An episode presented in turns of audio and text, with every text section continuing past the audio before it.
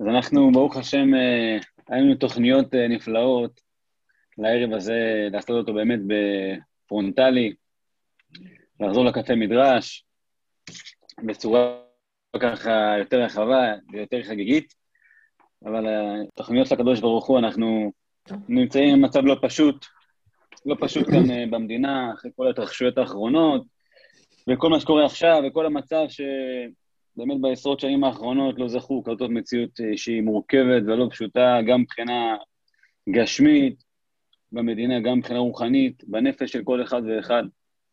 אז אנחנו רוצים לקבל בערב הזה חיזוק בשמחת הנפש, חיזוק אמיתי לקראת חג שבועות, ולאסוף כוחות, לאסוף אותנו מחדש, לקבל כוחות חדשים, ועם כל המורכבות שיש כאן עכשיו במציאות של המדינה שלנו.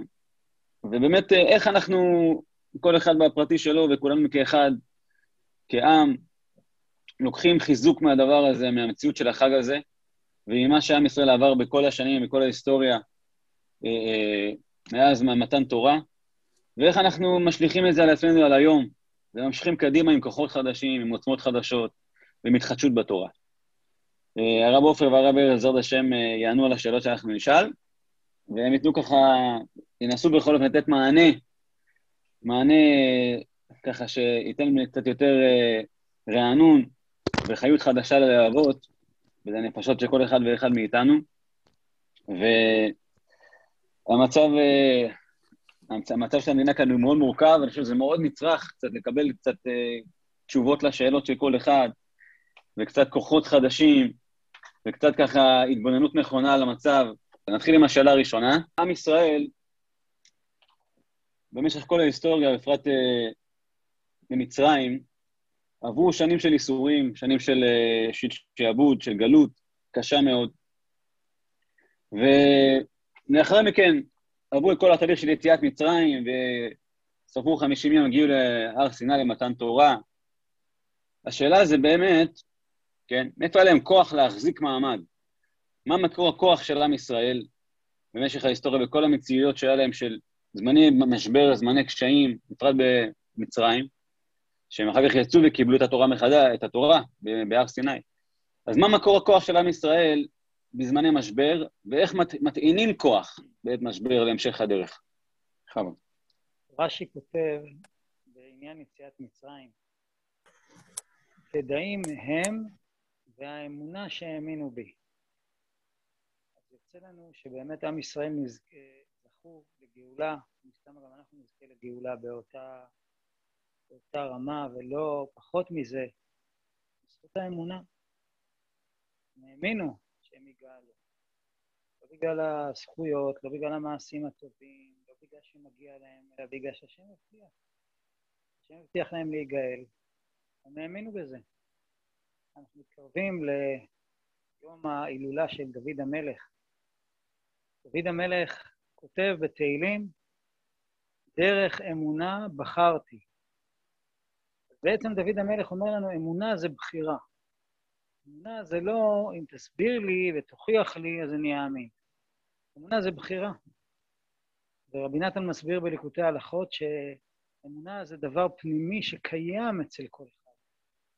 אמונה זה דבר פנימי, זה קול פנימי שכל אחד שומע אותו, אבל הוא חלש, ואם אני מקשיב לו ומאמין לו, סומך עליו, אז הוא הולך ומתחזק. דוד המלך אומר, שכן ארץ הוא רואה אמונה. את האמונה צריך לראות, כמו שלוקחים כבשה למרעה. את האמונה צריך לגל, לגדל. רבנו כותב בליקוטי מוהר"ן שאדם צריך להסתכל כל הזמן ולראות איפה הוא עומד באמונה. לגדל את האמונה שלו. אמונה זה בחירה. אני בוחר להאמין שיש טוב, והטוב ינצח, אבל כולם רואים שיש טוב ורע בעולם. נראה שכאילו הרע שולט, אבל אנחנו מאמינים בטוב, מאמינים שהטוב יתגלה וינצח בתוך כל אחד מאיתנו, וגם בתוך כל עם ישראל, שהטוב של עם ישראל יעלה ויתגבר, והקדוש ברוך הוא, שהוא עצם עצם הטוב, יבוא ויגאל אותנו. בעזרת השם יגאל אותנו ברחמים. אפילו שנראה חס ושלום, כאילו כל זה טבע, כאילו בכלל, כאילו הקדוש ברוך הוא לא בתמונה. מי שרוצה לראות, ראה ורואה, ובעזרת השם נראה ניסים ונפלאות את יד השם, השם משגיח עלינו.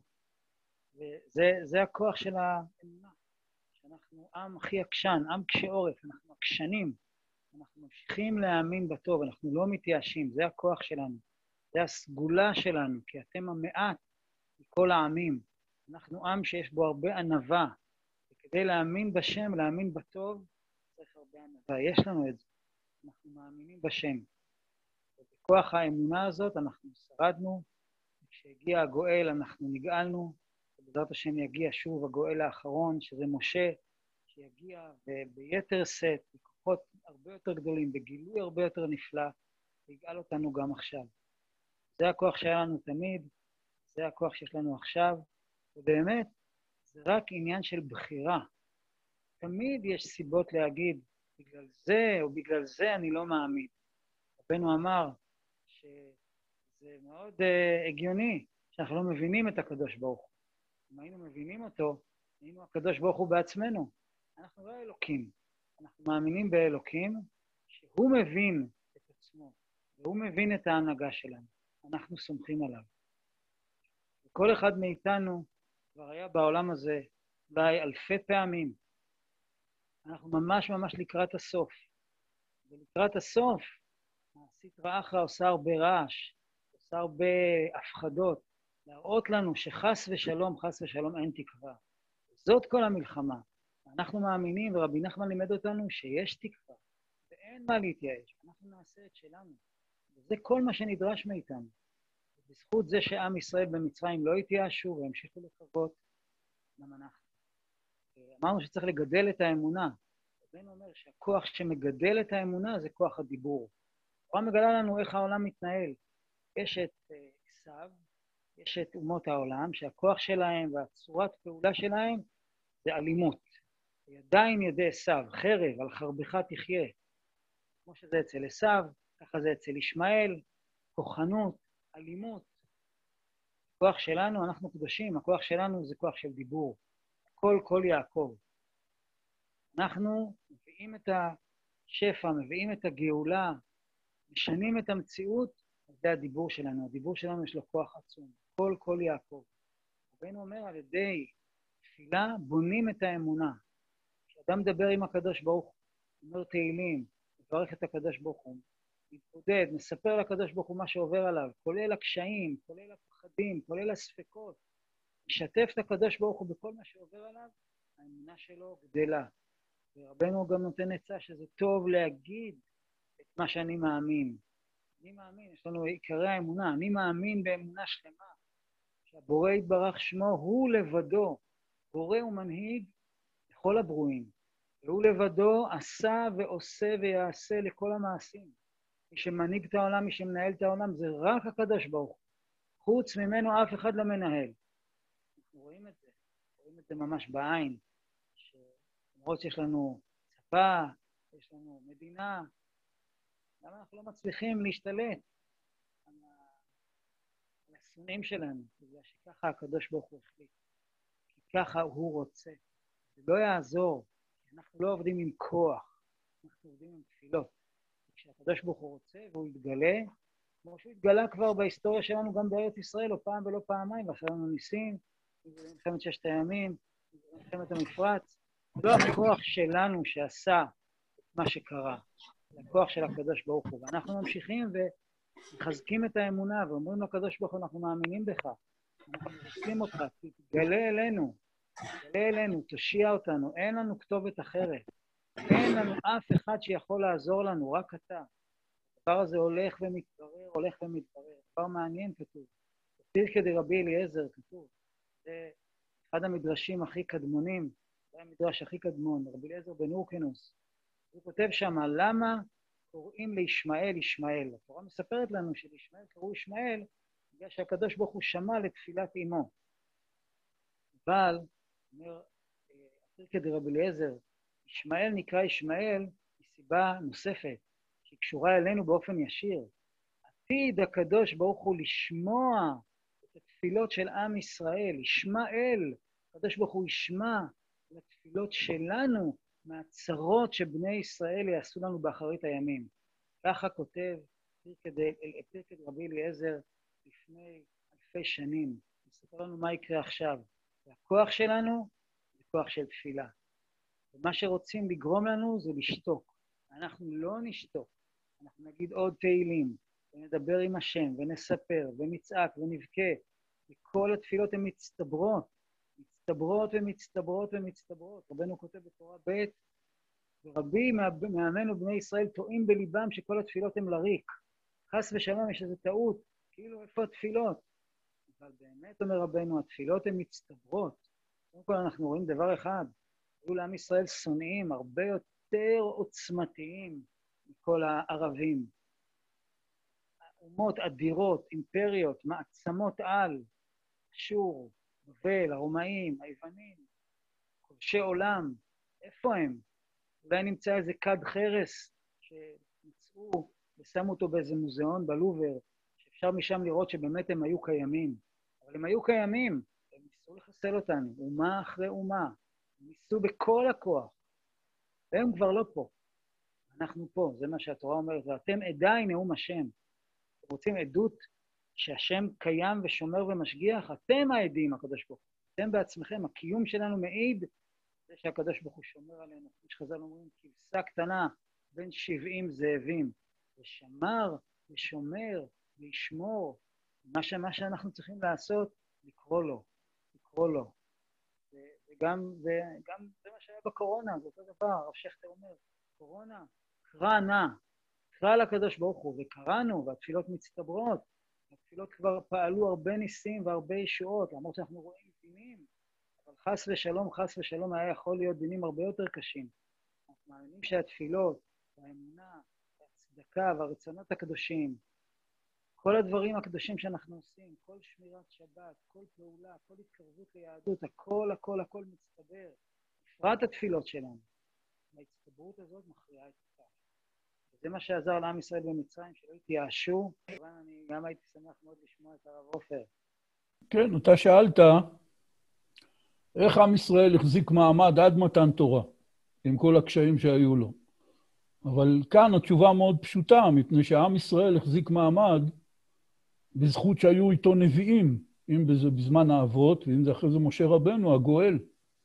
ובגלל שהיה איתו נביא, אז כמובן שהרבה יותר קל להחזיק מעמד בכל העניינים, מפני שאז יש את דבר השם ישירות לעם ישראל. השאלה היותר גדולה זה איך אבותינו החזיקו מעמד בגלות הזאת שאנחנו נמצאים בה, בכמעט 1,900, 2,000 שנה האחרונות. והתשובה היא, הם החזיקו מעמד על ידי הצדיקים, כי גם בזמן שהנבואה נגמרה, יש לנו את הצדיקים. והם נקראים בפינו חכמים, וחכמים אמרו, חכם עדיף מנביא. מפני שהנביא מביא לנו רק את דברי השם ישירות, מה שהשם שם בפיו, אז זה מה שהוא אומר לנו. אבל החכמים, הם מגלים תורה כל הזמן, על פי הלב שלהם, על פי השכל שלהם, על פי רוח הקודש שלהם.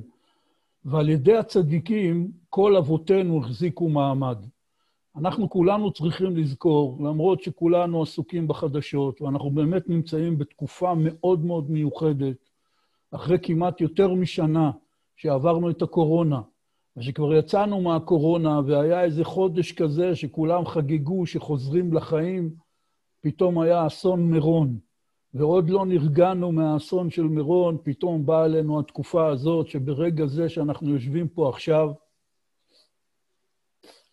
יהודים, אם זה בלוד, אם זה בעכו, אם זה בכל מיני ערים מעורבות עם ערבים, הם נמצאים ממש בפחד גדול, והם מותקפים. וכמובן, כל הארץ נמצאת בטווח של טילים, ואנחנו כבר ארבעה ימים ביריות של טילים, שלצערנו הרב נפגעו כמה אנשים, השם ייקום דמם, ונפצעו, ויש נפגעי חרדה. אנחנו בתקופה לא פשוטה. ולפעמים צריך להכיר בזה, שהקדוש ברוך הוא מטלטל את כולנו, ורוצה שנשים לב שאנחנו נמצאים בתקופה לא פשוטה. תקופה מורכבת, תקופה בעייתית.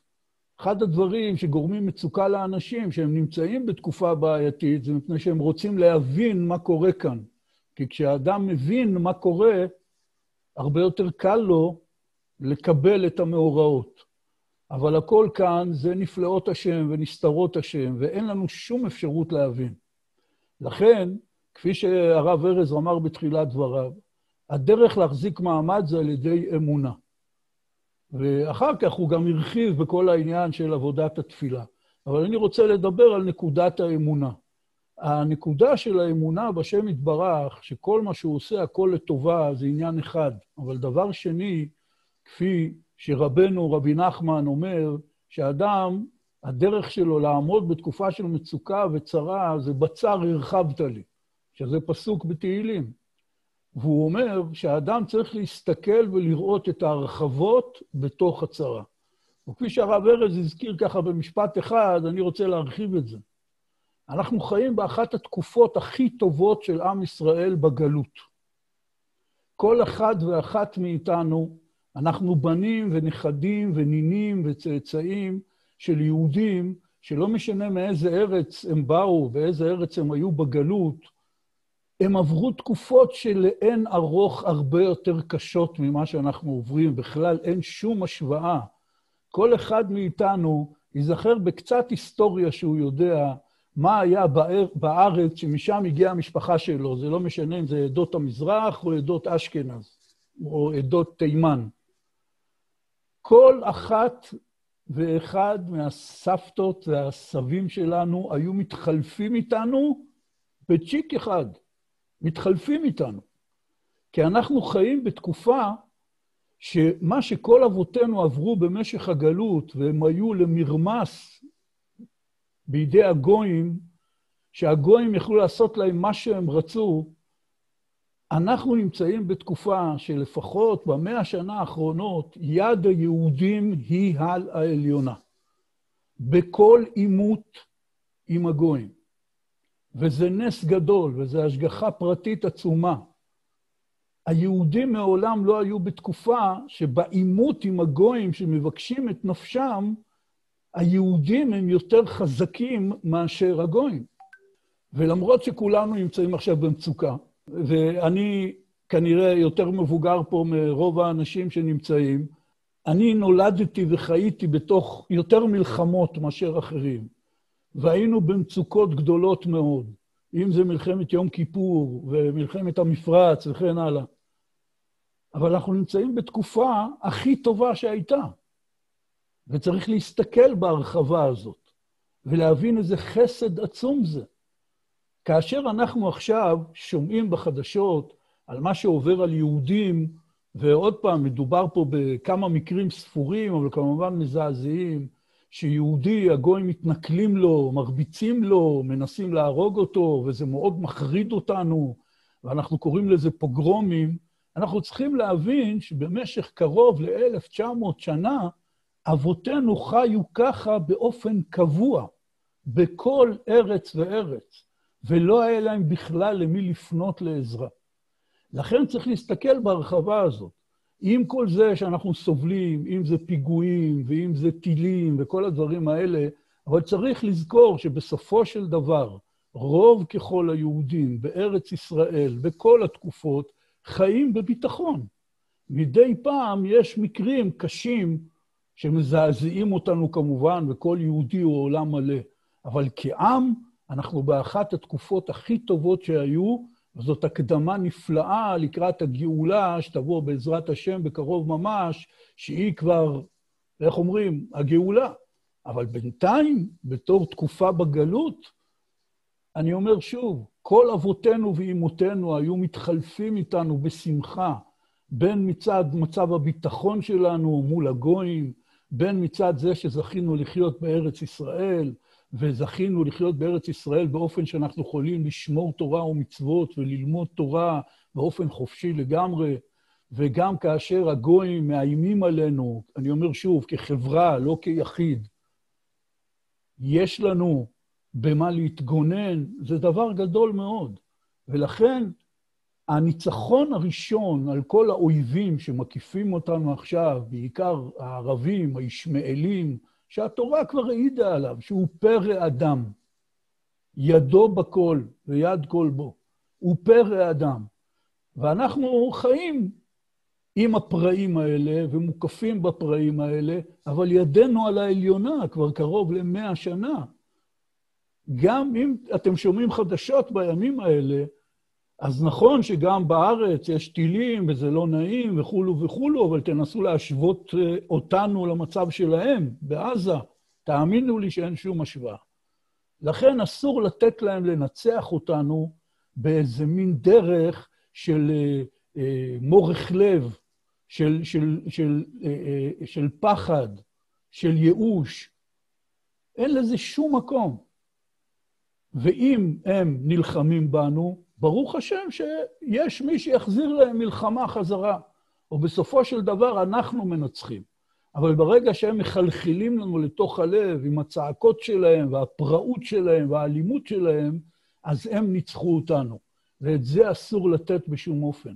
לכן צריך להסתכל במעשה השם יתברך ולראות שאנחנו נמצאים בתקופה הכי טובה שהייתה בגלות מכל הבחינות, כפי שאמרתי, נוחיות ושגשוג ואושר ורווחה כלכלית וחופש לשמור מצוות ולגור בארץ ישראל, ושאנחנו, ידנו חזקה על הגויים. זה נס גדול. כי כל מי שידמיין או יקרא קצת בספרים איך אבותינו ואימותינו חיו הרבה יותר מאלף שנה, כמעט אלף תשע מאות שנה, אני לא חושב שהיינו יכולים לעמוד בזה. אנחנו קצת מפונקים, אז הקדוש ברוך הוא מפנק אותנו בגלות די נוחה. ולכן צריך לזכור, מדי פעם הוא מטלטל אותנו, כדי שנשאף לגאולה השלמה ולא נתרגל ככה לכל הטוב שכולנו חיים בו. ואני אומר עוד פעם, צריך תמיד להסתכל.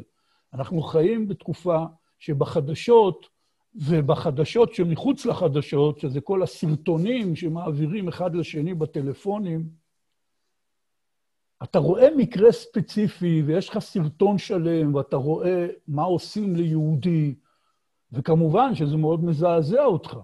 אבל המסקנה מזה צריכה להיות להתפלל עליו, על מי שנמצא בסכנה, אבל אסור בשום אופן שלא לראות את המצב הכללי של עם ישראל. וזה בצר הרחבת לי, והשם מרחיב לנו, רק אנחנו קצת התפנקנו אז הקדוש ברוך הוא מטלטל את כולנו, אם זה בפחד, אם זה בסכנות, טילים זה סכנה.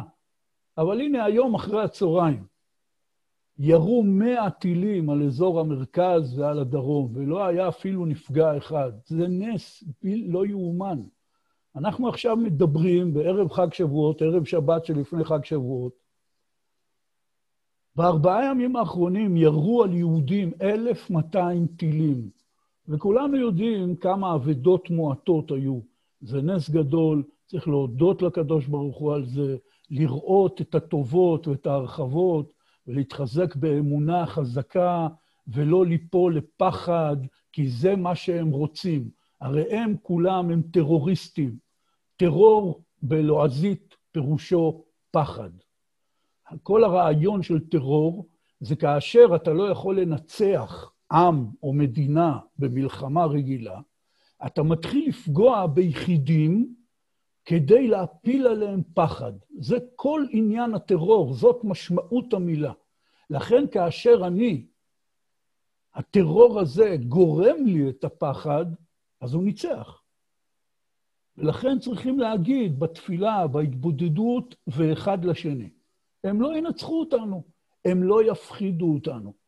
כי ברוך השם, בחסדי שמיים אנחנו הרבה יותר חזקים, ואין פה שום סכנה קיומית לעם ישראל כחברה, עם ישראל שיושב בארץ ישראל, וצריך להפנים את הדברים האלה ולדבר עליהם, כל אחד עם עצמו, כפי שהרב ארז אמר, שעל ידי הדיבור אתה מעורר ו- ו- ומוציא החוצה את האמונה שלך, מפריח את האמונה שלך, מגדל את האמונה שלך, גם בדיבורים שלך בתפילה, וגם צריך לחזק אחד את השני, את הילדים, את המבוגרים, ולראות את המציאות כמו שהיא, ולהבין שאין לנו מה להישבר, אין שום סיבה שנישבר, ואנחנו ננצח, כפי שהרב ארז אמר, אנחנו עם עקשן מאוד, עברנו דברים פי מיליון יותר קשים.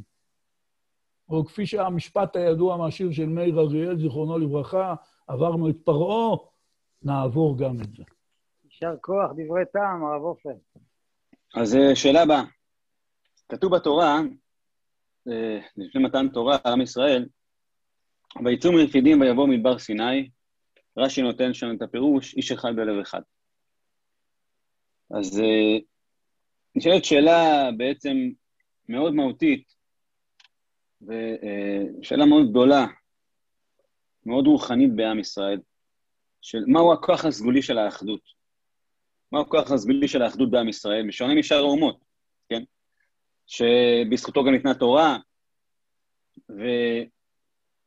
והגלות שאנחנו נמצאים בה עכשיו היא כל כך מתארכת וכל כך אה, ככה לא רואים את הסוף, מה, מה, מה, מה התפקיד של האחדות באמת בפתרון של הסיפור הזה של הגלות? וכמה האחדות היא בעצם, היא לוקחת חלק חשוב בעניין של, של, של גאולת עם ישראל, ממתן תורה ועד היום. חשוב, חשוב לי לומר לגבי האחדות, אני כל פעם שומע את, ה, את העניין הזה, את הרעיון הזה שצריך להתאחד. אני חושב שלא צריך להתאחד, זה לא משהו שצריך לעשות, זה כבר קיים. עם ישראל הוא דבר אחד, הוא גוף אחד. צריך להאמין בזה, צריך לראות את זה. ולצערנו, אנחנו הרבה פעמים, דווקא בשעת מלחמה ושעת צרה, אנחנו רואים, רואים את האכפתיות העצומה של כל יהודי ליהודי אחר, כל העולם. איפה יש כזה דבר? אם איזה צרפתי יקרה לו איזה משהו בסוף העולם, אז זה מעניין את הצרפתים? לא יודע. האכפתיות שאנחנו מגלים, הרצון הטוב לעזור, כמה חסד, כמה נתינה, הדבר הזה כבר קיים. לא צריך אה, לייצר אחדות. זה דבר אחד. אני חושב שצריך יותר להאמין באחדות שקיימת. להאמין שבאמת כולנו רוצים את אותו דבר, וכולנו מאמינים באותו דבר. גם אם uh, נדמה לי שהשני חושב אחרת, אולי הוא טועה, אפילו אם הוא טועה, אבל צריך להאמין, כמו שרבי נתן אומר, שהכוונה של כולם היא אותה כוונה. כולם רוצים את הטוב, כולם רוצים את האמת. אפילו אם יש חלק שטועים או חלק שמבולבלים, גם לא בטוח שזה לא אני, לא בטוח שזה דווקא האחרים. רבי אברהם בן רב נחמן כותב, כמה אדם צריך uh, לשים בערבון מוגבל את המחשבה שלו שהוא יותר טוב מכולם, והוא יותר צודק מכולם, והוא יותר מבין מכולם. כותב משפט כזה, כל אחד חושב שהוא כולו אמת, וחברו כולו שקר, שהוא בונה עולמות, חברו מחריב עולמו. כל אחד חושב את זה. מין תכונה כזאת. ובאמת, כולנו טעינו. וזה אומר שאני לא יכול לחשוב את המחשבה האוטומטית הזאת, שאני מבין יותר טוב בהכל, ואחרים לא מבינים כלום וכלום. כי זה לא נכון. כל אחד יש לו את הנקודות טובות ואת הנקודות אור שלו, ועל זה אני צריך להסתכל. כל אחד יש לו את החסרונות שלו, ולא בטוח שמה שאני חושב זה דווקא האמת, כל דבר. שואל רבי אברהם בן רב נחמן, למאי נפקא מינה? בשביל מה טוב לדעת את זה שכל אחד חושב ככה? הוא אומר למבאי רחמי, לבקש רחמים.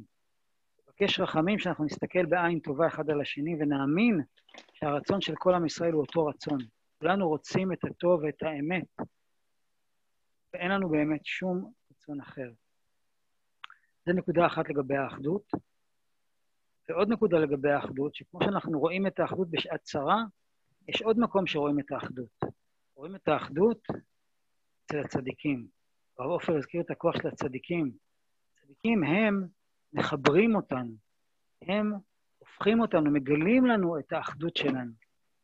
כמו שכתוב על יעקב אבינו, שהוא רצה לשים אה, אבן שיוכל להניח עליה את ראשו, והאבנים רבו, כל אחת אמרה, עליי יניח צדיק את ראשו.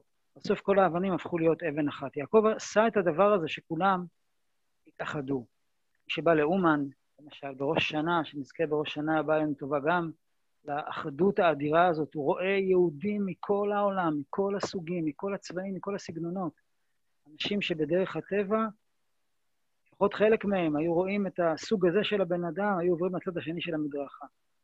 ואתה רואה את כולם באהבה, ברצון אחד לעשות טוב, להביא טוב לעולם. הדבר הזה קיים, צדיקים מגלים את זה, בצרה אנחנו רואים את זה, צריך להאמין בזה. זה לא דבר נסתר, אנחנו רואים את זה ואנחנו מאמינים בזה. זה גם העצה המרכזית של רבנו. העצה המרכזית של רבנו זה ללמד זכות. ללמד זכות ולהסתכל בעין טובה על יהודים אחרים, גם אם שונים ממני בתכלית. ומה הנקודה הכי פנימית של כל יהודי שהוא רוצה טוב. הוא רוצה טוב, הוא שואף לטוב, הוא רוצה את האמת. וזו נקודת האחדות שלנו. היא קיימת. קיימת כי, באמת אתה רואה את הדבר הזה. אתה רואה יהודים בכל העולם שנפגשים, אתה רואה איך הם מתנהגים, ויש הרבה דברים שמאחדים אותנו. הדבר הזה הוא קיים, לא צריך אה, לייצר אותו. ובזמן מתן תורה הדבר הזה גם קיבל תוקף מיוחד, כאיש אחד בלב אחד. וגם אנחנו עכשיו ככה. מי שרוצה להפריד זה המפרידן, אלוף ההפחדות ואלוף ההפרדות, שרוצה להפריד אחד מהשני, אחד מחברי, רוצה להפריד אותנו, ולהגיד לנו, ההוא עקום, ההוא שקרן, ההוא לא מבין, ההוא שונא ישראל. מה, גילית שיש למישהו חסרונות? כל הכבוד, יישר כוח. לך אין חסרונות? עדיף שתסתכל על היתרונות. לעם ישראל יש מעלות נדירות, נדירות ועצומות לכל היהודים בעולם. והדבר הזה מתגלה כל הזמן, כל הזמן, בכל מיני סוגים של יהודים, גם באלה שנראים לנו רחוקים. והעבודה שלנו, אני חוזר לעניין של האמונה, זה להאמין בזה. להאמין בזה, והאמונה הזאת היא מגלה את הדבר הזה. אני בא למישהו ואני מאמין שהוא טוב, אני יכול להעיר לו, הוא יכול להעיר לי. רבנו אומר בתורה ל"ד שאחת העצות המרכזיות זה שיחת חברים, לדבר עם עוד יהודים. איך לדבר איתם? ביראת שמיים. רבנו לא כותב שצריך לדבר אודות יראת שמיים, הוא כותב שם מפורשות שאפשר לדבר גם על ענייני חולין. ואף על פי שמדברים על ענייני חולין, הנשמות מאירות אחת לשנייה, מקבלים הערה, אחד מהשני, מהאחדות, מההתקללות, מקבלים הערה. אבל בתנאי שמדברים ביראת שמיים, מדברים באופן של כבוד לשני. אני מאמין שיש בו משהו, משהו יקר שאין בי, צריך אותו כמו שצריך אותי. והאחדות הזאת כבר קיימת. זה העבודה שלנו, להאמין בה ולגלות אותה. כשאתה מאיר פנים ליהודי אחר ואתה מאמין שהוא טוב ויש בו טוב, אתה מתאחד איתו ואתה, ואתה רוצה לאהוב אותו ואתה אוהב אותו, דברים, דברים עצומים. דברים, דברים עצומים. וזאת העבודה של כל הצדיקים, לגלות לנו את האהבה של השם אלינו, את האהבה שלנו לכל אחד מישראל, את הקשר הגדול שיש בינינו, שאנחנו באמת, באמת, באמת דבר. חן נתן כותרת לכל הערב הזה, הכנה לשבועות, כאיש אחד בלב אחד, כפי שהרב ארז גם מכיר את האמרה הזאת. בואו רגע נלמד מה המקור של זה. כולנו יודעים, זה פירוש רש"י על הפסוק לפני מתן תורה. אז בואו נלמד שני פסוקים, ואני חושב שנלמד מזה יסוד מאוד מאוד גדול. כתוב בפרשת יתרו, לפני מתן תורה, ויסעו מרפידים ויבואו מדבר סיני ויחנו במדבר. ויחן שם ישראל נגד ההר. כלומר, ויחנו במדבר, כתוב ויחנו בלשון רבים. אבל ויחן שם ישראל נגד ההר, פתאום כתוב על כל עם ישראל לשון יחיד. ויחן שם ישראל נגד ההר. ואומר רש"י בפירוש שלו על הפסוק הזה, כאיש אחד בלב אחד. ככה אומר רש"י, כאיש אחד בלב אחד. לכן זה כתוב בלשון יחיד, לכן כתוב ויחן, כאיש אחד, כאילו כל עם ישראל נהיו פתאום איש אחד. ולמרות ששתי מילים לפני ויחן כתוב ויחנו, כאן כתוב ויחן שם ישראל נגד ההר. ורש"י ממשיך ואומר, אבל שאר כל החניות בתרעומות ובמחלוקת. לכן בכל המקומות כתוב ויחנו, אבל בהכנה למתן תורה, שהם חנו נגד ההר, עמדו מול הר סיני, מתכוננים למתן תורה, כתוב ויחן, לשון יחיד. ומזה לומדים כאיש אחד בלב אחד. עד כאן הכל יפה וטוב. ומשתמשים תמיד בביטוי הזה של רש"י כדי לדבר על הנושא הזה של אחדות ישראל כאיש אחד בלב אחד.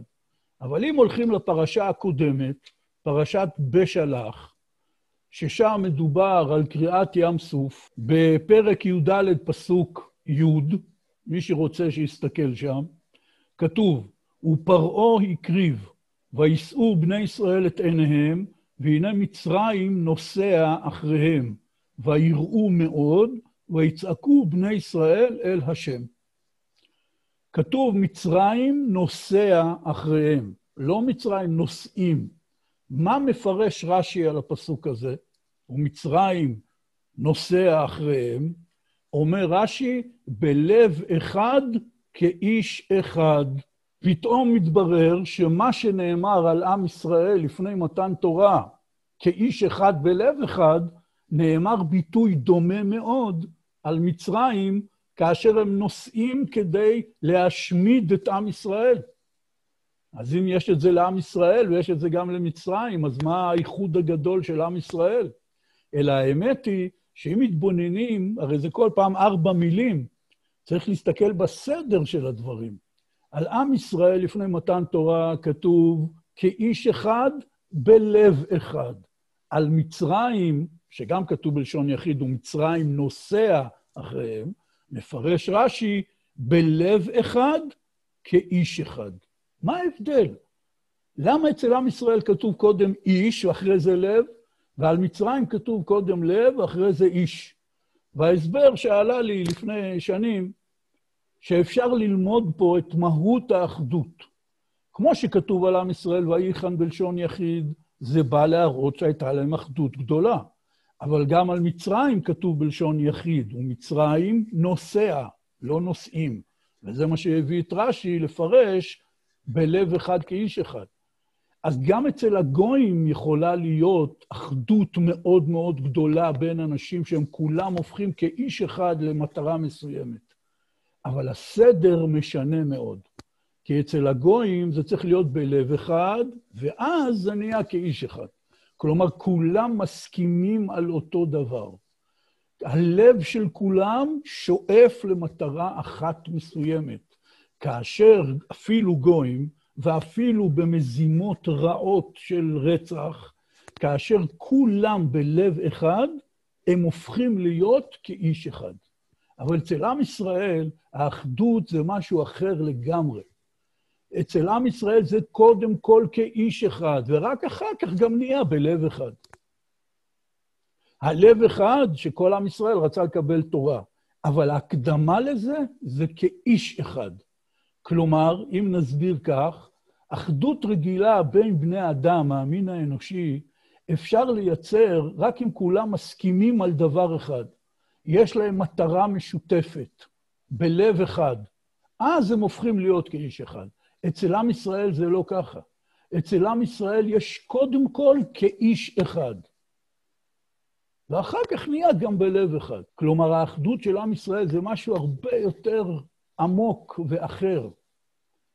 כי עם ישראל כולו זאת נשמה אחת שיש בה איברים שונים, שכל אחד ואחת מבני ישראל הם חלק מאותה נשמה.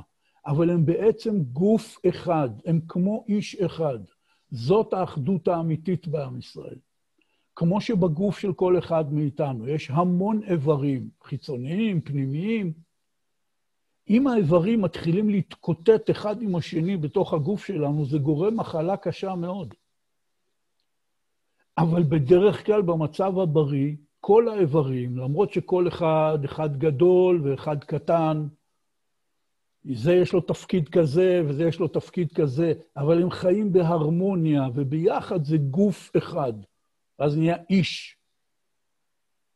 לכן גם עם ישראל, עיקר האחדות בעם ישראל צריכה להיות, אני אוהב אותו כי הוא יהודי, לא כי הוא מוצא חן בעיניי, לא כי הוא לא מרגיז אותי, לא כי הוא מסכים איתי, זה בכלל לא קשור. עצם המהות שלו כיהודי שהוא חלק מעם ישראל, אז אני והוא וכל היהודים, כולם כאיש אחד. אחר כך יש גם בלב אחד, בעזרת השם. ועם ישראל הוא לא טוב בזה כל כך, שכולם יהיו בלב אחד. אבל ודאי וודאי, לפני מתן תורה, ובכלל, באמונה בתורה, בקיום התורה, כן יש לב אחד. כמו שיש היום בין כל שלומי אמוני ישראל. יש כל כך הרבה זרמים ושיטות וקבוצות וחסידויות, ויש הרבה חילוקי דעות. בתוך החסידים בינם לבין עצמם, אצל אלה שאינם חסידים יש מחלוקות בינם לבין עצמם. לפעמים באותה ישיבה יש מלחמת עולם, לפעמים באותה חסידות יש מלחמת עולם. אחרי כן יש כמובן מחלוקות בין אלה שמכנים את עצמם דתיים לאומיים, לבין אלה שמכנים את עצמם חרדים, וכן הלאה, על זה הדרך. לא כל שכן שיש מחלוקת בין אלה שכן שומרים מצוות לאלה שלא שומרים מצוות, ויש מחלוקות פוליטיות, אין סוף למחלוקות. השטן הזה של שנאה, שנאת חינם, הוא עדיין מרקד בינינו, זה לשון של חז"ל, וכולנו יודעים את זה.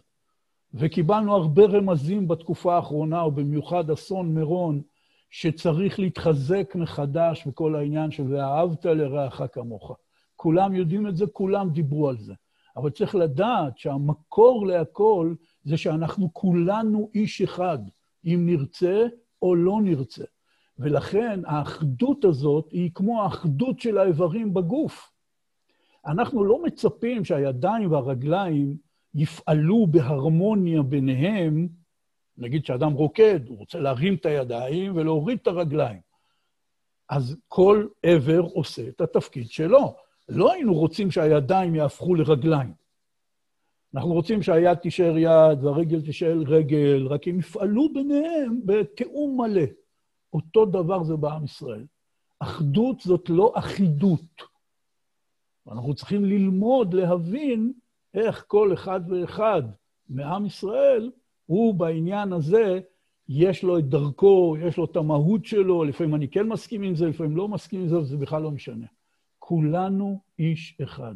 זה נקרא כאיש אחד בלב אחד, לעומת מצרים, ששם זה קודם כל בלב אחד, הם צריכים להסכים, ורק אז הם נהיים כאיש אחד. יישר כוח, הרב עופר. נפלא, נפלא. הרב ארז, הרב עופר, ממש נפלא. הרבה חומר למחשבה. בעזרת השם נעבור לעוד שאלה. אומר המדרש, שהר סיני שמו, משום שירדה שנאה לאומות העולם על עם ישראל. אז מה, מה מקור השנאה הזאת? מה, מה השורש הרוחני שלה? שבגלל מתן תורה כולם שונאים את עם ישראל. זה עתיד להיעלם מתישהו, זה תלוי בנו בכלל, השנאה הזאת, יש לנו איזה, איזה שייכות אליה, או שזה משהו שהוא כזה, מין דבר שהוא בעצם קיים ולא קשור אלינו בכלל, מה שנעשה, זה לא שייך, אם נהיה יותר טובים, פחות טובים, אז זה ישתנה. ומה הקשר לירושלים בתוך כל הדבר הזה של השנאה של אומות העולם לעם ישראל? אנחנו רואים שירושלים לוקחת חלק נכבד מאוד בסכסוכים, האחרונים עם אומות העולם, לאורך כל ההיסטוריה, כן? וגם היום. ומאיפה הדבר הזה נובע? מה, מה החיבור העמוק של עם ישראל לירושלים, למקום הזה, ואיך היא כל הזמן חוזרת למרכז העניינים בהקשר של השנאה של אומות העולם לעם ישראל. זה שתי שאלות בשאלה אחת. חז"ל אומרים באמת, למה נקרא שמו של הר סיני הר סיני? משם ירדה שנאה לישראל. המקור של השנאה הזאת היא קנאה. איך אתם, בני אדם, בני תמותה, בני אנוש, זכיתם להיות כל כך מקורבים לבורא עולם ולקבל איזו משימה קדושה כזאת לתקן את העולם? מה זה הקדושה הזאת? מה זה האצילות הזאת? קנאה. פשוט מאוד קנאה. אבל בקנאה יש שני סוגים של קנאה. חז"ל מלמדים, יש קנאה שהיא חיובית. קנאת סופרים תרבה חוכמה. אתה מקנא במישהו ואתה אומר, הלוואי ואני אהיה כמוהו, אז אתה מתעורר מזה, לעשות פעולות, להיות כמוהו. אני גם רוצה להיות כמוהו, שיהיה לו בהצלחה. אני מתעורר בדבר הגדול הזה שאני רואה בשני, ואני אומר, אני אעשה את הדרך שלי, גם לקנות את המעלה שיש לו, זה קנאה טובה. אבל יש קנאה רעה. רקב עצמות קנאה. קנאה רעה זה גם לי, גם לך לא יהיה. אתה יותר טוב ממני, אבל אני, אין לי כוח להיות טוב, רק זה מעצבן לי את העיניים, מעצבן אותי, זה מפריע לי שיש אחד שיותר טוב ממני, יותר קדוש, יותר נעלה, נעלה, יותר מידות אציליות. זה מפריע לי. אני לא רוצה להשתנות, אני רוצה להמשיך עם השטויות והתאוות שלי. אני רואה פה אחד שהוא יותר ממני, אז זה מפריע לי. אני רוצה לחסל אותו, שלא יפריע לי. הלוואי שכולם יהיו עסוקים רק בתאוות ומידות רעות, ואז אני ארגיש בנוח. זאת הקנאה של אומות העולם שבגללה הם רוצים לפגוע בנו. אבל באמת, יותר חשוב להם מאשר לפגוע בנו פיזית, רוצים לפגוע בנו פיזית, חס ושלום. רוצים שלא נהיה בעולם, חס יותר מזה, רוצים ומנסים כל הזמן להוכיח שאנחנו לא כאלה מיוחדים ולא כאלה קדושים. הם מנסים להחטיא אותנו, מנסים לגרום לנו להיות כמוהם, מנסים להוכיח בכל דרך שאנחנו גם כן, עיקר העניין שלנו בחיים זה תאוות, מידות רעות, גשמיות ובהמיות, כמו שאנחנו מוצאים אצל הרבה מאוד מאומות העולם. וזו הסכנה הכי גדולה, שמנסים להוכיח שאנחנו, שאנחנו כמוהם. תהיו כמונו. לא, לא רוצים להיות כמוכם. המדרש אומר, בשעה שהקדוש ברוך הוא נתן תורה, אז היה הרבה רעש בעולם, היה לאיזה הדים אדירים בכל העולם, כל העולם חווה שמשהו אדיר מתחולל בעולם, כל העולם חיכה לרגע הזה. העולם חיכה לרגע הזה שבו תינתן התורה, ואם לא הייתה ניתנת התורה, לא הייתה הצדקה לקיום העולם. אומרים בקידוש של יום שישי, יום השישי, ויחולו השמיים והארץ וכל צבאם. בימים שלפני זה כתוב יום שני, שלישי, רביעי, חמישי, פה פתאום כתוב יום השישי. למה לא כתוב יום שישי? אז אה, הפירוש הוא שמדובר על יום שישי אחד מסוים, שישי בסיוון, שבו ניתנה התורה. יום השישי, בשישי בסיוון, ויחולו השמיים והארץ וכל צבאם. השמיים והארץ, כל העולם, כל הבריאה, כל, כל היקום, כולם נשמו לרווחה. כי הנה הגיע עם ישראל וקיבל את התורה, עכשיו יש הצדקה לקיומנו. הגיע הפועל שיקבל את הוראות ההפעלה, יש הצדקה למפעל. העולם לא היה מתקיים אם לא התורה, אם לא עם ישראל היו מקבלים את התורה. אם לא חוקות, אם לא בריתי, יומם ולילה תשמורו, חוקות שמיים וארץ לא שמתי. ככה הקדוש ברוך הוא אומר. אז, כולם התרעשו ונבהלו, מה קורה? הם הלכו לשאול את אה, בלעם, שהיה נביא גדול של אומות העולם. מה קורה בעולם? העולם נחרב? מה זה כל הרעש הזה? מה זה כל ההתרחשויות האלה שאנחנו חווים? אמר להם בלעם, השם נותן תורה לעמו. אה, השם נותן תורה לעמו, זה לא סוף העולם. אז בסדר, אפשר, אפשר ללכת להמשיך לשתות בירה בפאב, הכל בסדר. אה, בוא נלך לים, נעשה חיים. שנייה, השם נותן תורה לעמו, מי שברא את העולם, בחר לו לעם, ונותן לו תפקיד. מה, זה לא מעניין אתכם? לא, לא, זה מעניין אותנו רק שלא יהיה סוף העולם, שנוכל להמשיך עם השטויות שלנו. זאת הקנאה, מפריעים להם. ובאמת, כשאנחנו מוכיחים שאנחנו יהודים כמו שראוי להיות יהודים, מתנהגים כמו יהודים, חושבים ומאמינים ומתנהגים כמו יהודים, אין להם פתחון פה. אז הם יכולים גם להעריך אותנו. הם יכולים גם לכבד אותנו, כי אין להם ברירה, הנה, באמת, אנחנו מוכיחים שאנחנו שווים את זה, שנבחרנו לעם. אבל כשחס ושלום אנחנו לא מצליחים לעשות את העבודה שלנו ולא ממלאים את השליחות שלנו, וכביכול מוכיחים שבאמת אנחנו לא משהו כזה מיוחד, אז יש להם פתחון פה, ואז הם יכולים לפגוע בנו יותר, חס ושלום. כמו שאמר לי לפני שנים, כשזאת היה מציאות, זוכר שנסעתי בירושלים עם איזה נהג מונית ערבי, הוא אמר, מה, מה הפלא שאנחנו יכולים לפגוע בכם? הרי זה ברור שזה בגלל שאתם עזבתם את אלוקים. הרי זה ברור ש... שהרי אנחנו יודעים מה כתוב בתורה שלכם.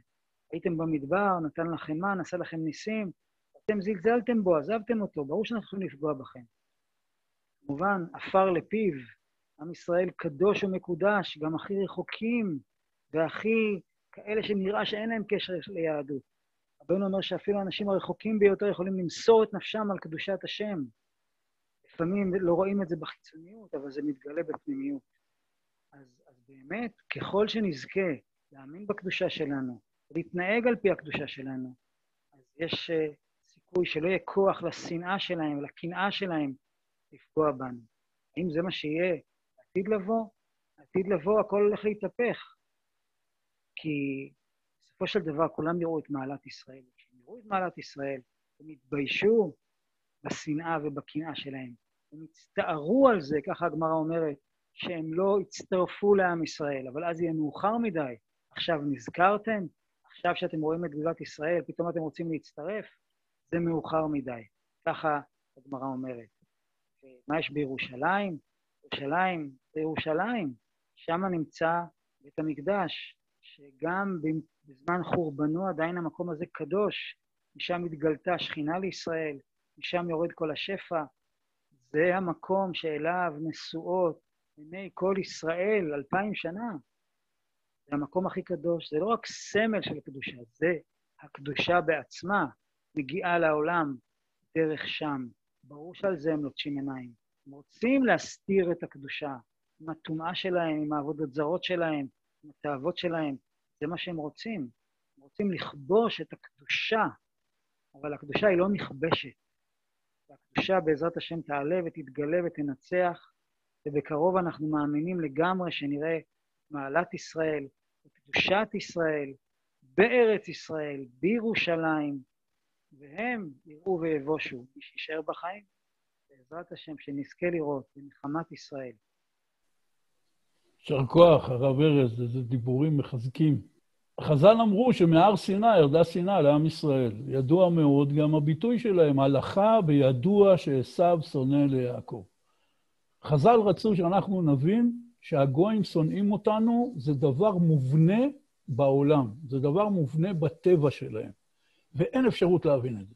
כל הנושא הזה, מה שמכונה בעולם אנטישמיות, כלומר שנאת היהודים, כבר כתבו על זה אלפי ספרים ועשו על זה דוקטורטים ופרופסורות, ופרשנים מדברים על זה, יהודים ולהבדיל גויים, ניסו להבין מה קורה כאן. מפני ששונאים את היהודים כשהם מצליחים, ושונאים אותם כשהם נכשלים, שונאים אותם כשהם מפסידים, שונאים אותם כשהם מנצחים, אין לזה שום הסבר. וזה בדיוק העניין. חז"ל רצו שנבין שזה דבר מובנה בעולם, שאין לו שום הסברים, ואנחנו צריכים להסתכל בו. ניקח גם את העניין של ירושלים, לפני שאני אגיד מה שנראה לי להגיד בנושא.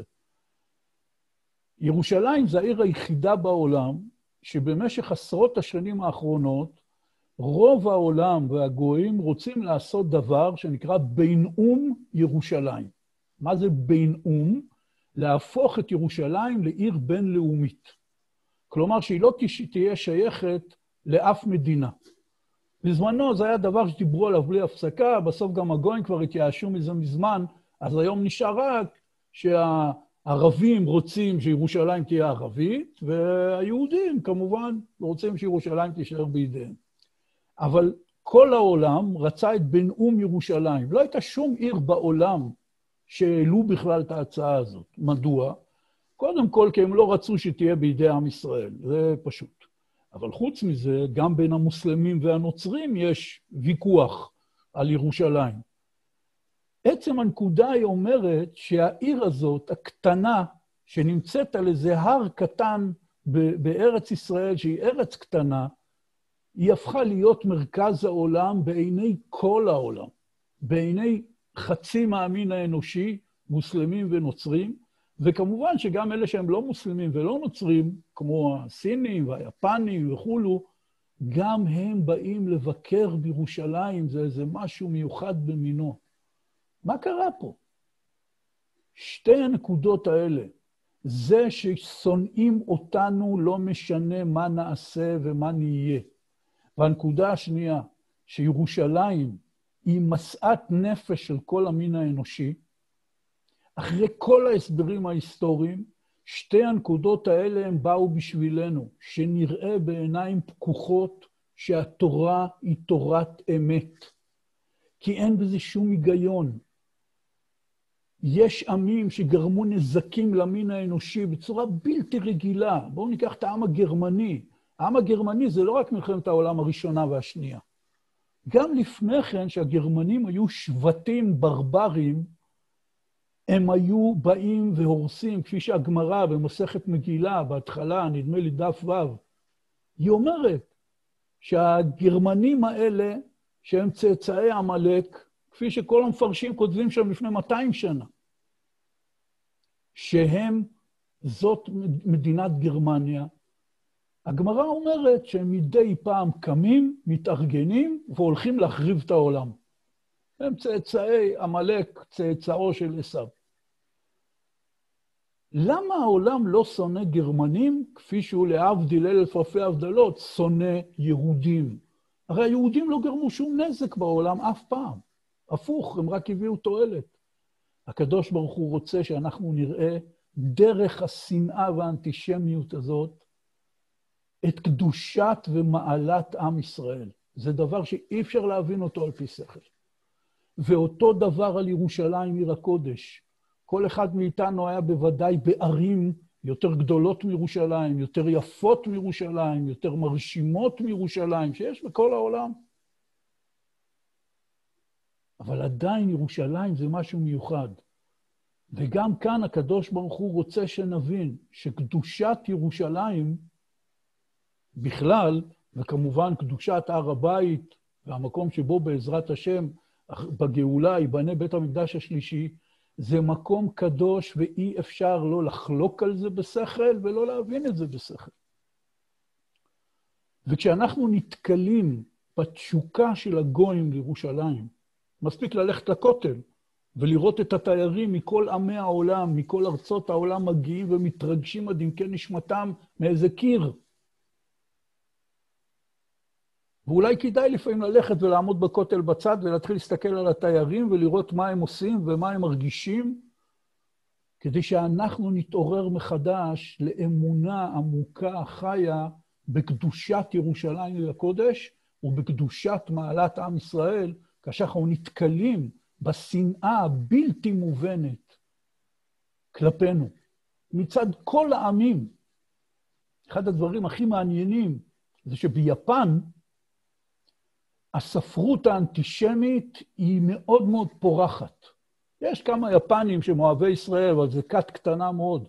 רוב היפנים הם אנטישמים גדולים, והספרים נגד עם ישראל הם רבי מכר שם. והרבה חוקרים התעניינו בנקודה, מדוע? מפני שביפן מעולם לא גרו יהודים. היהודים היו באירופה הרבה מאוד שנים, אז ניסו להמציא כל מיני סיבות שהיהודים, הם היו מלווים בריבית לגויים, אז הגויים שנאו אותם, כל מיני הסברים שהם לא מחזיקים מים. אבל היפנים מעולם לא נתקלו ביהודים, הם לא ראו יהודים, אף פעם. למה הם כל כך שונאים יהודים? זה עוד פעם כדי לפתוח לנו את העיניים, שנבין את קדושתנו ואת מעלתנו ואת הפוטנציאל העצום שיש לכל אחד ואחת מאיתנו, ולהבין את קדושת ירושלים. הרב ארז הזכיר קודם את החסיד ברסלב הקדוש, בעל רוח הקודש, רבי אברהם בן רבי נחמן, שנפטר לפני כמאה שנה, פחות או יותר. הוא עלה במסירות נפש מאוקראינה, מאומן, לארץ ישראל, וגר כאן 20 שנה בערך. תלמידו, שזכינו להכיר אותו, רב לוי יצחק בנדר, אמר שהוא, סיפרו על רבי אברהם בן רבי נחמן, שהוא לא היה מעז לירוק על הרצפה בירושלים. והוא אמר שהוא הולך עם התחושה, עם המחשבה, שהוא זוכה לגור בארץ ישראל ובירושלים, הוא היה, לא היה מסיח מזה את הדעת, כמו שאסור על פי ההלכה להסיח את הדעת מהתפילין. אנחנו התרגלנו. אנחנו הולכים לקניות בירושלים, הולכים לשבת במסעדה בירושלים. אז התרגלנו שזה סוג עיר שאנחנו חיים בה. נוסעים ברכבת הקלה, נוסעים באוטובוס וכן הלאה. לכן זה טוב מאוד מדי פעם להיזכר שאנחנו זכינו לחיות בארץ ישראל, בעיר הקודש ירושלים. יש לנו את האפשרות ללכת לכותל המערבי ולהתפלל שם על הגאולה השלמה. הדבר הזה הוא דבר עצום. אני, במלחמת ששת הימים, הייתי בכיתה ג'. כמה חודשים אחרי מלחמת ששת הימים, ההורים שלי, שהם לא היו דתיים, אבל כולם נסעו לראות את הכותל. ואני עוד זוכר, ממש בזיכרון, את הכותל כמו שהוא היה בזמן הכיבוש הירדני, שעוד לא הייתה רחבה, והיה רק איזה מין מעבר צר כזה, ובכלל חלק גדול מהקיר של הכותל, שאנחנו היום רואים, הוא היה מכוסה, זה היה מקום מאוד מאוד לא מרשים. ונחרט בי חזק הזיכרון הזה, הייתי בן שמונה, תשע, כשהייתי שם, למה זה נחרט בי? לא גדלתי בחינוך דתי ולא הבנתי בכלל מה זה הכותל הזה. מה שהרשים אותי ונחרט בזיכרון שלי, זה ההתרגשות העצומה של כל מי שהיה שם. ולפעמים כשאני הולך לכותל, אני מאוד מאוד רוצה שאני אזכה גם כן קצת להתרגשות הזאת. השנאה של הגויים כלפינו צריכה להזכיר לנו כמה אנחנו קדושים ואיזה מעלה עצומה יש לנו, מפני שאין לזה שום הסבר הגיוני למה הם שונאים אותנו. כולם יודעים את העניין הזה. מקרב מקבלי פרס נובל, 30 אחוז זה יהודים. כשעם ישראל, מכלל אוכלוסיית העולם, שליש אחוז. מה זה הדבר הזה? רק הועלנו לעולם כמעט בכל דבר, אפילו בזמן שאנחנו חיים בו היום, שכל העולם מתנהל עם האינטרנט והטכנולוגיה. כולם יודעים שרוב ההמצאות ורוב הטכנולוגיות, הם נעשו, הומצאו, מופעלות על ידי יהודים. צריכים לאהוב אותנו, אנחנו רק מועילים לעולם, ואף פעם לא הזקנו לעולם. לא כבשנו ארצות, לא התעללנו בעמים, מה קרה? כדי שאנחנו נזכור מי אנחנו באמת, שאי אפשר להבין את זה בשכל, אבל צריך להאמין בזה מאוד חזק. ואותו דבר ירושלים עיר הקודש, שנתחיל להתרגש מחדש. כשאנחנו חיים בירושלים, אנחנו יכולים להתפלל על הגאולה בירושלים עיר הקודש, כאשר בכל האלפיים שנה האחרונות אבותינו ואימותינו היו צריכים להתפלל על הגאולה ולחשוף לירושלים בתור איזה חלום רחוק, שהם אפילו לא ידעו איך היא נראית. שני העניינים האלה, זה בא כדי לחזק לנו את האמונה בהוכחות הכי חזקות שיש. והוא כבר אמר, אחד מגדולי ישראל בדור הקודם, רבי יעקב עמדין, לפני כ-200 שנה, שמכונה בעם ישראל בשם היעבץ, אחד מגדולי הפוסקים וגדולי מחברי הספרים בעם ישראל, הוא אמר שההוכחה הכי טובה על קיום הבורא זה קיום עם ישראל והשנאה שיש כלפיו. צריך להתעורר מזה מחזק, מחדש, לאמונה חזקה, לראות את המציאות כמו שהיא, לא לתת לכל מיני חוקרים וכופרים להסביר לנו במרכאות את המציאות. כי את, את הקדושת ירושלים ומה שכל העולם נחשף אליה, ואת השנאה שיש כלפי עם ישראל, אי אפשר להסביר. וכשרואים משהו בלתי מוסבר, עכשיו הנפש נפתחת לראות את הדברים שמעבר, באמונה חזקה. מדהים. דיבורים נפלאים, אה, הרב ארז והרב עופר. ממש אה, היה שווה כאן ככה להיכנס לזום ולקבל כאלה חיזוקים לפעמים מהנפש, ואני מרגיש שבאמת אה, אנחנו מרגישים כאן שהדברים מתבררים בצורה אמיתית. דיברנו על הכוח הסגולי של האחדות בעם ישראל, ובעצם העניין של ירושלים, כמה היא יקרה ועמוקה, והחיבור והקשר ישראל הוא כזה עמוק ונפלא. ובעצם כמה אהבת חינם ואחדות לנו כל כך חשובים, אז השאלה הבאה שנשאלת להישאל בעצם, זה, אנחנו יודעים שעם ישראל משולים לקדוש ברוך הוא, משולים לחתם וכלה. ומתן תורה זה בעצם היה החופה, זה החתונה של עם ישראל עם הקדוש ברוך הוא. והקדוש ברוך הוא אוהב אותנו אהבת אמת. אנחנו מאמינים בזה, וגם אפילו שלא מרגישים את זה תמיד, אנחנו יודעים שזה קיים, מקבלים כוח מהאהבה הזאת. רבי נחמן אומר שיש אור אהבה שבדעת, שהקדוש ברוך הוא אוהב את עם ישראל, כי בנים אתם להשם אלוקיכם. זה דבר סגולי ש... שאין בו תפיסה. אז השאלה שנשאלת זה איך אנחנו יכולים לקבל אהבה לתורה, לקדוש ברוך הוא, ולעם ישראל, לכל יהודי ויהודי, בחג הזה, בחג שבועות, שהוא חג של אהבה. הוא חג של חיבור מחדש עם התורה, עם הקדוש ברוך הוא, עם עם ישראל. ואיך אפשר לחזק את הקשר המשולש הזה בכוח החג הזה, שמגיע פעם בשנה והוא כזה חג עוצמתי של יום אחד אמנם, אבל יום אחד מאוד מאוד מאוד חזק. ובעצם גם איך אנחנו יכולים, בזמנים כאלה של סולידריות ואחווה ואהבה בין כולם, שאנחנו מתכנסים כולנו בתוכנו כנגד כל מי שבא כנגדנו, בכוח האחדות והאהבה בינינו, איך אנחנו יכולים להמשיך את זה גם הלאה לשגרה, לחיים הרגילים, שזה לא ייעלם לנו. איך כל אחד יכול לעשות בחיים הפרטיים שלו, דברים קטנים אמנם, שלהמשיך את האור הזה של האחדות והאהבה שנוצרת ברגעים של קושי ומשבר, ולקחת את זה באמת לקח ו- ומעשים קטנים ונכונים להמשך הדרך בשביל לקרב את הגאולה של עם ישראל. אז זה, זה השאלה. בפרט בעניין של חג שבועות. אני שומע פה את כיפת ברזל מעליי כל הזמן, מקווה שאני לא אצטרך לעזוב אתכם עם איזה אזעקה, ואל תיבהלו. בכל אופן, אני אומר, אה, רבנו מגלה דבר גדול. אנחנו בוודאי שואפים ורוצים להרגיש, להרגיש את אהבת השם, להרגיש את אהבת התורה, להרגיש את אהבת ישראל. ודאי זו שאיפה טובה ונכונה, אבל צריך לדעת שהדבר הזה, הוא לא צריך להיות לנו תנאי. אני רוצה להרגיש אהבת השם, אני רוצה להרגיש אהבת התורה, אני רוצה להרגיש אהבת ישראל. אבל אסור שהרצון הזה להרגיש, להרגיש את הקדושה, הוא יהפוך לתנאי. זאת אומרת שאם אני לא מרגיש, אז אני לא בעניין. טוב, אני לא מרגיש שהתורה זה משהו מיוחד, אז אני לא כל כך מתעסק בתורה, אני לא כל כך מרגיש שעם ישראל זה משהו קדוש. אז אני לא חושב שיש פה איזו עבודה. אני לא מרגיש שהשם, אה, הוא אוהב אותי או שהוא קיים, אני לא מרגיש. אז אה, מה לי ולא, חס ושלום? אז רבנו אומר, לא, אנחנו מאמינים שעם ישראל הוא קדוש, התורה היא קדושה, השם מטבח הוא קדוש, שזה הדברים הכי יפים והכי נעלים והכי מרגשים שיש במציאות. אין דבר יותר נעלה מזה מאשר עם ישראל והתורה והקדוש ברוך הוא.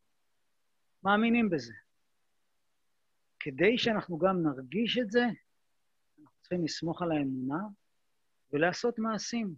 מעשים שבסופו של דבר יגרמו לנו בחסדי שמיים גם להרגיש את הדבר הזה. המעשים האלה, זה כמו שחן אמר, זה כל הדברים לכאורה קטנים. מצוות, עוד לימוד, עוד uh, פרק תהילים, עוד uh, סלט לשבת, עוד מילה טובה לאיזה חבר. דווקא, דווקא הפעולות הכאילו קטנות שאנחנו עושים בתור יהודים, הם הכלים שאנחנו בונים. אנחנו, כמו שחז"ל אומרים, שאנחנו צריכים לסגל תורה ומצוות. לסגל זה להתרגל לדבר הזה, שזה יהיה חלק ממני, שאני לא אוכל בלי הדבר הזה. כמו שבן אדם קם בבוקר, חייב איזה כוס קפה. שיהיה לנו גם, חייב, חייב, עובדה, אני מניח תפילין, מתפלל, חייב ללמוד איזה משהו, חייב להגיד איזה פרק תהילים, חייב לדבר קצת עם השם, חייב, חייב. לפני שאני מקבל הרגש על זה, אני צריך להפוך את זה להרגל. בתוך ההרגל, בתוך המציאות של הכלים שאנחנו בונים, אז בסופו של דבר ייכנס גם ההרגש. זה הכלי שלנו. הכלי שלנו זה להנכיח את הקדושה בתוך החיים שלנו על ידי מעשים קטנים ומתמידים. עוד יום ועוד יום. אפילו אם נפלתי והתרחקתי ושכחתי והתבלבלתי, אני חוזר, אני חוזר, אני חוזר. זה הכוח של עם ישראל, זה העקשנות של עם ישראל. אז גם אם אני לא מרגיש, אני רוצה להרגיש, ואני בונה כלים. וחוץ מזה, יש לנו דבר גדול, שאנחנו יכולים להכין כלים. אני רוצה להרגיש חג השבועות, אני רוצה להרגיש את החתונה עם הקדוש ברוך. אז אני מתפלל על זה, אני מתבודד על זה, אני אומר ליקוטי תפילות שמדברים על העניין הזה, אני לומד על העניין הזה, מה זה חג השבועות, מה המעלה של זה, אני מנסה לחפש איפה זה נוגע בי, איך זה מתחבר אליי. יש אה, גמרא, הגמרא אומרת, אמר רב יוסף, אלמלא היומא, כמה יוסף איכא בשוקה. אני הבנתי את הלימוד הזה, את האמירה הזאת, שרב יוסף אומר, פשוט ניסה לראות ולפגוש את הדבר הזה, איך זה קשור אליו. הוא מדבר על חג השבועות, הוא מדבר על עצמו. מה היה קורה אם לא הייתה תורה?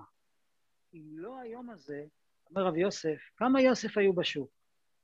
ורש"י אומר שמה, ואני, ואני רב יוסף, כי למדתי תורה ונתרוממתי. התורה הפכה אותי למשהו אחר. התורה יצרה ממני איזו יצירת מופת שנקראת יהודי, שקשור לתורה. אז, אז מה היה ממני אם לא הייתה תורה? אז, אז רואים שרב יוסף חיפש לראות איך זה קשור אליו, איפה זה נוגע בו. אם לא היום הזה, מה היה ממני? אם לא היה לנו את החוקים הקדושים של התורה, שמספרים לנו איך להתנהג ואיך לחשוב, מה אמת, מה שקר, מה טוב ומה רע, אם לא היה לנו את החוקים של התורה, איפה היינו היום? איפה כל אחד מאיתנו היה זרוק באיזה, לך תדע איפה, באיזה דברים, תורה מלאה בכזאת עדינות נפש. כל דבר הכי קטן של התורה, זה, זה יורד לפרטי פרטים של המציאות. זה נוגע בכל דבר ודבר, אפילו בפעולות הכי פשוטות. אנחנו עוד מעט עושים קידוש של שבת, מכסים את החלות. כשעושים קידוש, אז שהחלות לא יתביישו. בדרך כלל, כשמברכים, מוציא לחם מן הארץ על חלות, על לחם, זה קודם ליין. פתאום אנחנו מקדימים את היין. אז החלות אה, יכולות להתבייש. מה פתאום הקדימו את היין? כי אה, יש לנו עניין לעשות קידוש. אבל בכל אופן, הן רגילות להיות ראשונות. פתאום מתייחסים אליהן בתור מקום שני. אז אנחנו מכסים אותן, שלא יראו את הקידוש. חלות מרגישות משהו? יכול להיות. אנחנו לא יודעים אם חלות מרגישות או לא. אבל יש לנו הנחיה, מנהג, לכסות את החלות. המנהג הזה אומר לנו, אתה יודע, צריך להתחשב אפילו ברגשות של חלה. משה רבנו לא היכה את היאור, כי היאור הסתיר אותו. מה זה משנה, היאור הסתיר אותו, לא הסתיר אותו. צריך להתחשב, צריך להכיר טובה, צריך לשים לב לרגשות של השני, שלא יתבייש. איזה רגישות, איזה עדינות נפש. אם לא היינו מקבלים את התורה, איפה היינו היום? איזה מידות יש בתורה? איזה שכל יש בתורה? רבנו אומר, כל השכלים שיש בעולם, כל הסוגי שכל שמשתמשים בהם אומות העולם, זה שכלים שטחיים ונמוכים וגרועים לעומת השכל הכי פשוט של התורה. איזה עדינות של שכל, איזה דקות של הבנה יש בתורה. כשלומדים גמרא, מתחילים לראות איך אפשר להתבונן על המציאות, איך אפשר לחקור את המציאות, איזה עדינות, איזה עומק. כל הדבר הזה, זה, אנחנו קיבלנו את המתנה הזאת? אנחנו קיבלנו את הדבר המרגש הזה שנקרא תורה, שמחיה את כל העולמות? זה לא איזה ספר של רעיונות. אתם יודעים, יש ספר שנקרא תיקוני הזוהר. תיקוני הזוהר זה רבי שמעון בר יוחאי, נתן לנו ספר שיש בו 70 פירושים על המילה בראשית. כל פירוש יש לו משמעות אחרת לגמרי, ואני מאמין שאפשר ללמוד את הספר הזה ולהעמיק בו כל החיים. כן, אבל זה רק על המילה בראשית. אבל מה עם המילה ברא? לא, בטוח שיש גם ספר של 70 פירושים על המילה ברא, ואנחנו לא פגשנו עוד את הספר הזה. כל הפירושים האלה משתלבים אחד בשני, ומשלימים אחד את השני. ובתורה יש פשט ורמז, דרש וסוד, ויש את החסידות, ויש את הקבלה, והכל קשור, והכל מחובר, והכל קשור אליי, לחיים שלי, הכל זה אני, זה הסיפור של החיים שלי. זה לא איזה פילוסופיה על משהו מנותק. זה אני, זה החיים שלי, זה המציאות שלי, אני לומד להכיר את המציאות. איך הייתי יודע בכלל מהי המציאות? הקדוש ברוך הוא נתן לי תורה, היא מראה לי. מראה לי את המציאות, היא מראה לי את עצמי, היא מראה לי את השליחות שלי. איזה דבר משמח, השתבח שמו. מתחברים לזה, לומדים על זה, מדברים על זה, מתפללים על זה. ריבונו של עולם, אתה נותן לנו את התורה. מה הכוונה מתן תורה? הרי כבר קיבלנו את התורה לפני 3,333 שנה. אז, אז מה זאת אומרת שאנחנו מקבלים את התורה? כבר קיבלנו אותה. כן, כמו שהרב עופר אמר, יש דברים שאתה מתרגל, אתה בירושלים, אתה בארץ ישראל, אתה יהודי, אתה יכול לקיים מצוות, מה, זה ברור, מה, זה ברור מאליו. מה שברור אתה כבר לא מתרגש. אנחנו רוצים עוד פעם להתרגש. אנחנו רוצים שזה לא יהיה ברור, אנחנו רוצים לקבל את התורה מחדש ולהגיד, זה קשור אליי היום, יש פה משהו חדש בשבילי, יש פה התחדשות בשבילי, שקשורה לחיים שלי, שקשורה לדור שלי. כל מה שקורה ברגע זה בעולם, ובעם ישראל, ובמשפחה שלי, ובחיים שלי, ובלב שלי, הכל כתוב בתורה, בצורה מפורשת. ומסבירים לי איך להבין את זה, ואיך להתנהג עם זה, ואיך לחיות עם זה, ומה מה, מה, מה לחשוב על זה, ואיך להתמודד עם זה. רוצה להתחבר לזה מחדש, אני רוצה לקבל את זה מחדש. אני לא רוצה שהתורה תהיה ישנה אצלי, משהו שקרה פעם, לא. כי זה לא התורה, התורה זה משהו מאוד מאוד חדש. זה החדשות האמיתיות של החיים, כמו שרבי נתן כותב לבן שלו. בוא אני אספר לך חדשות, גם אודיע לך חדשות מעתה. במכתבים של רבי נתן הוא כותב, מכתב ג' לבן שלו, רוצה לשמוע חדשות? תשמע חדשות. יש אלוקים בשמיים ובארץ. יש אלוקים. מה זאת אומרת יש אלוקים? טוב, נו. אבל בוא נשמע מה קרה. יש אלוקים, זה הדבר הכי חדש. רוצה לדעת מה קרה? תלמד פרשת השבוע, תלמד דף יומי, תלמד הלכה יומית, תדע מה קורה באמת, במציאות האמיתית, לא בקשקשת ברשת, במציאות האמיתית, מה קורה בבית שלך, מה קורה בזוגיות שלך, בחינוך ילדים שלך, בלב שלך, בשאיפות שלך. זה מה שחשוב לדעת, זה מה שכתוב בתורה, השתבח שמו לעד. אז יש לנו, יש לנו אפשרות להתחבר, לקבל, לקבל, להתרגש מחדש. בגלל זה אנחנו סופרים ספירת העומר, כל כך הרבה ימים, אנחנו מחכים, לא רוצים שזה יהפוך להיות דבר מובן מאליו, רוצים להתרגש, רוצים להתחדש. אז זה מבחינת הרצון. אבל שוב, אני חוזר למה שאמרתי בהתחלה, שזה לא יהיה תנאי. הלוואי, הלוואי שנזכה להרגיש משהו. פעם אחת בחיים, הלוואי שנזכה להרגיש משהו אמיתי, מה זה קדושה. נזכה להרגיש מה זה קדושה, לא אספור את העולם הזה. אבל גם אם אני לא אזכה, אני אמשיך לעשות רצון השם. אני נאמן לאמת. כמו שהרמב"ם אומר, לעשות האמת בגלל שהיא אמת. לא מבין, כן מבין, לא מרגיש, כן מרגיש, זה לא תנאי. הלוואי שאני אבין, הלוואי שאני ארגיש. אבל אם אני עושה רק מה שאני מבין ומרגיש, זה לא, זה לא רציני. אבל, אבל אני, אני כן רוצה להיות רציני. אז אני נאמן לאמת כמו שהיא. מצד שני, אני גם רוצה להרגיש, בעזרת השם, שנזכה כולנו להרגיש את הקדושה של התורה, את הקדושה של ישראל, את הקדושה של הקדוש ברוך הוא, וזה עניין אחד. כשאדם לומד תורה באמת, הוא חייב להרגיש את התורה של הקדוש ברוך הוא, את הקדושה של, של הקדוש ברוך הוא. הוא חייב להקדיש, להרגיש את הקדושה של ישראל. לכן להפך, זה משולש כזה. רבנו כותב, אם אדם מדבר רעות על יהודים, יורד לו החשק ללמוד תורה. יהודי ותורה זה אותו דבר, יש לו שורש בתורה. רוצה להרגיש את התורה? תסתכל בעין טובה על ישראל, תתחיל להתרגש מהתורה. תתחיל להתרגש מהקדוש ברוך הוא. זה עסקת חבילה. בעזרת השם, שנזכה. מה עוד אפשר להוסיף על הדיבורים הנפלאים האלה? לי אין מה להוסיף. אין לי מה להוסיף. רק דבר אחד, שנאחל לעצמנו שנזכה באמת לקראת חג שבועות הזה, אחרי כל הדיבורים הנפלאים שהרב ארז אמר, שפשוט נפתח ספר ונלמד. חומש רש"י, הלכה, מוסר, חסידות, כל אחד מה שהוא יכול, כמובן מי שיכול, גמרא ופוסקים. לא משנה, כל אחד שיודע לקרוא עברית יכול לפתוח ספר וללמוד, וזה העיקר, הקביעות של הלימוד. אפילו כמה דקות ביום, אבל כל יום, כך אמר רבנו, שמי שקובע עיתים לתורה, כך וכך בכל יום, יכול לצאת מכל התאוות. אפילו תאוות שהוא עושה עבירות במזיד, חס ושלום. ממילא נהיה שבסופו של דבר, העיקר העיקרים זה למעשה שנזכה באמת לקראת חג שבועות ובזכות חג שבועות, נתחיל לפתוח מחדש את הספרים של התורה הקדושה וללמוד. ושיהיה לכולם שבת שלום וחג שמח. שבת שלום וחג שמח. שבת שלום, חג שמח. תודה רבה לרב ארז ולרב עופר על הדברים המרעננים, בפשיטות המתוקה שלהם, ובאמת לעומק של הכוונה והדיוק של הדברים לכוון אותנו במקום, למקום הנכון באמת, למציאות שאנחנו נמצאים בה עכשיו. בלי יותר מדי ככה להביא כאן כל מיני סלוגנים גדולים ועבודות קשות, אלא דברים פשוטים ותמימים של עבודה יומיומית.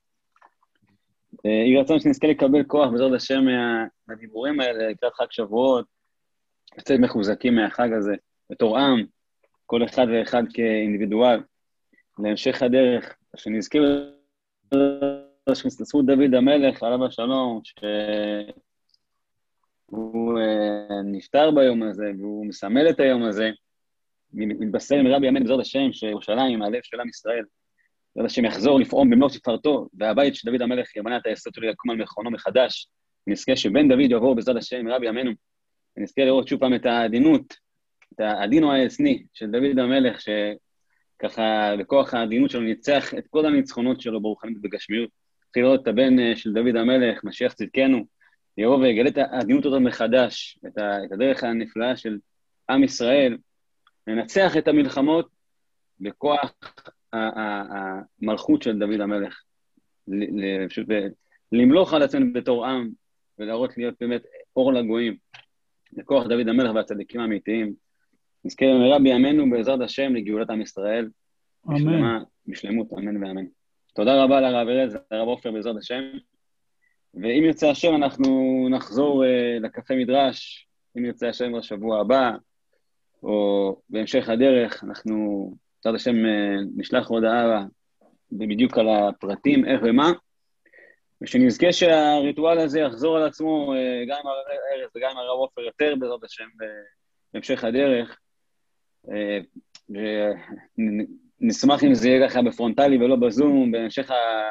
בהמשך הדרך. ונזכה גם אנחנו להתחדש בקפה מדרש, להוסיף, בעזרת השם, יותר ערבים כאלה מחזקים ונפלאים, ושהקדוש ברוך הוא יסייע בידינו בעזרת השם, לחזק ולהתחזק. רצונו באמת לקבל את אה, חג שבועות ברוב שמחה, ברוב ברכה, באור גדול, בהתחדשות נפלאה. אמן ואמן.